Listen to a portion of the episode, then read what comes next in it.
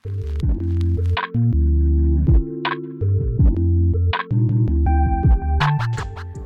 semuanya, selamat datang di My Educast, sebuah podcast mingguan dari My EduSoft yang akan memberikan kalian pengetahuan baru terkait hal-hal terkini dan pastinya akan berguna untuk kalian. Oke, sebelum kita masuk ke pembahasan podcast kali ini, gue memperkenalkan dulu nih seputar My EduSoft. Kalian di sini udah pada tahu belum My EduSoft itu apa dan bergerak di bidang apa? Jadi, My EduSoft adalah sebuah platform di mana kalian bisa mengikuti berbagai pelatihan menarik dan tentunya akan mengasah keterampilan kalian seperti belajar penguasaan Microsoft Excel, digital marketing, personal branding, dan berbagai kelas menarik lainnya. Kalau kalian mau lihat pelatihannya apa aja, kalian bisa langsung datang ke www.myedusoftx.com Nanti kalian bisa lihat-lihat semuanya di situ, berbagai kelas ataupun webinar. Pada episode podcast kali ini, gue Shiva yang akan menemani kalian dalam pembahasan tentang quarter life crisis. Apakah kalian tahu quarter life crisis itu apa? Atau bahkan di antara kalian ada yang sedang mengalaminya? Banyak kalangan milenial mengaku sedang mengalami quarter life crisis. Sebenarnya, quarter life crisis adalah suatu fase di mana seseorang memiliki kecemasan terhadap masa depannya. Kebanyakan takut jika tahun-tahun berikutnya berjalan tidak sesuai dengan harapannya. Nah, Fenomena ini sangat sering terjadi di kalangan milenial. Jadi, apabila kamu mengalaminya, nggak perlu khawatir karena milenial di usia 20-30-an banyak yang mengalaminya. Kira-kira bisa menimbulkan berbagai dampak apa ya bagi kehidupan seseorang? Mungkin beberapa di antara kalian sangat merasakan dampak dari pandemi ini.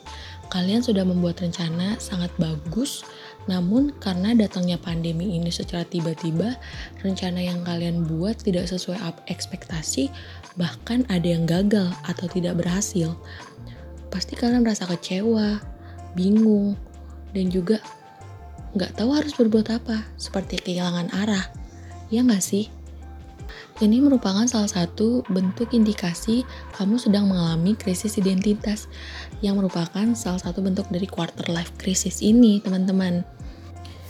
Selain itu, bentuk quarter life crisis lainnya apalagi ya? Hmm, kamu pernah nggak merasa iri sama orang lain? Harus kita akui bahwa perasaan kecewa tersebut hadir karena kita membandingkan diri kita dengan teman atau orang lain. Gak jarang perasaan tersebut juga akan membuat kita semakin merasa tertekan dan resah. Ketahuilah bahwa segala sesuatu yang terlihat belum tentu benar. Bisa jadi teman-teman kita juga mengalami krisis yang sama, namun mereka pandai menutupinya. Kira-kira dari dua fenomena yang udah gue sampaikan, teman-teman ada nggak sih yang merasa, ah iya nih kayaknya gue lagi mengalaminya? Atau mungkin, nah enggak kok gue nggak mengalaminya masih ada beberapa fenomena yang bisa menjadi penyebab quarter life crisis nih teman-teman. Oke, fenomena ketiga kita kenal dengan toxic people. Mungkin tanpa kamu sadari, kamu pernah bertemu atau mungkin bahkan dekat dengan mereka. Toxic people ini akan menusukmu dengan racunnya, lalu membuatmu merasa tidak berharga dan lelah secara emosional. Meski begitu, menjauhi toxic people tidaklah mudah yang seperti kita bayangkan. Tentunya, banyak dari kita yang susah untuk berkata tidak kepada toxic people. Berbekalkan dengan kata, ah dia masih teman kita, nggak mungkin lah dia kayak gitu. Hmm, hal yang seperti itu seharusnya yang kamu lakukan adalah jangan mengikuti permainan mereka dan juga batasi komunikasi dengan mereka. Cobalah katakan tidak dengan mereka. Apa yang kamu suka, apa yang kamu tidak suka. Tahukah kamu kalau misalnya kamu terus-terusan berhubungan dengan toxic people, tanpa sadar kamu tidak akan mencintai dirimu sendiri. Jadi, kalian cobalah untuk belajar mencintai diri sendiri. Mulai berpikir apa yang kamu sukai, coba ubah pola pikir kamu temenan gak harus sama mereka. Pertemanan itu nggak harus hanya setia saja, tapi bisa saling memotivasi satu sama lain dan juga mendukung karirmu atau mungkin tujuan hidupmu agar kalian sama-sama sukses. Contoh selanjutnya dari quarter life crisis adalah takut menghadapi perubahan. Banyak orang yang takut mengalami perubahan, apalagi jika harus mengalami perubahan besar yang mempengaruhi kehidupannya. Padahal, perubahan tidak selalu berakibat buruk, dan perubahan lingkungan adalah hal yang wajar dan baik. Misalnya, contoh paling sederhana yang bisa kita temukan di kehidupan sehari-hari adalah uh, ketika kamu lulus SMA, terus lanjut untuk ke perguruan tinggi, pasti kamu akan merasakan perbedaan yang amat sangat signifikan. Mulai dari cara belajarnya, pola pikirnya, dan bahkan gaya berpakaian pun berbeda. Mungkin sebagian dari kamu akan merasa asing dan mungkin sebagian orang lainnya akan merasa, wah ini sesuatu yang baru, ya sesuatu yang seru. Nah, hal yang perlu kamu lakukan adalah ubah pola pikirmu. Dunia perguruan tinggi bukan lagi hanya tentang pelajaran saja, tetapi bagaimana kamu bisa belajar dari hal di luar akademik melalui diskusi dengan teman-teman, ikut kegiatan-kegiatan kampus lainnya seperti membuat acara, ikut komunitas, dan hal-hal lain sebagainya. Yang terakhir, contoh quarter life crisis lainnya adalah tertekan dengan lingkungan sekitar.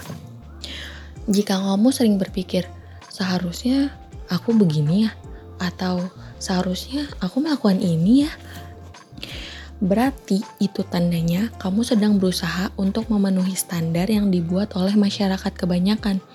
Misalnya, standar usia pernikahan, jumlah pendapatan, apa yang harus sudah dimiliki, dan lain-lain sebagainya.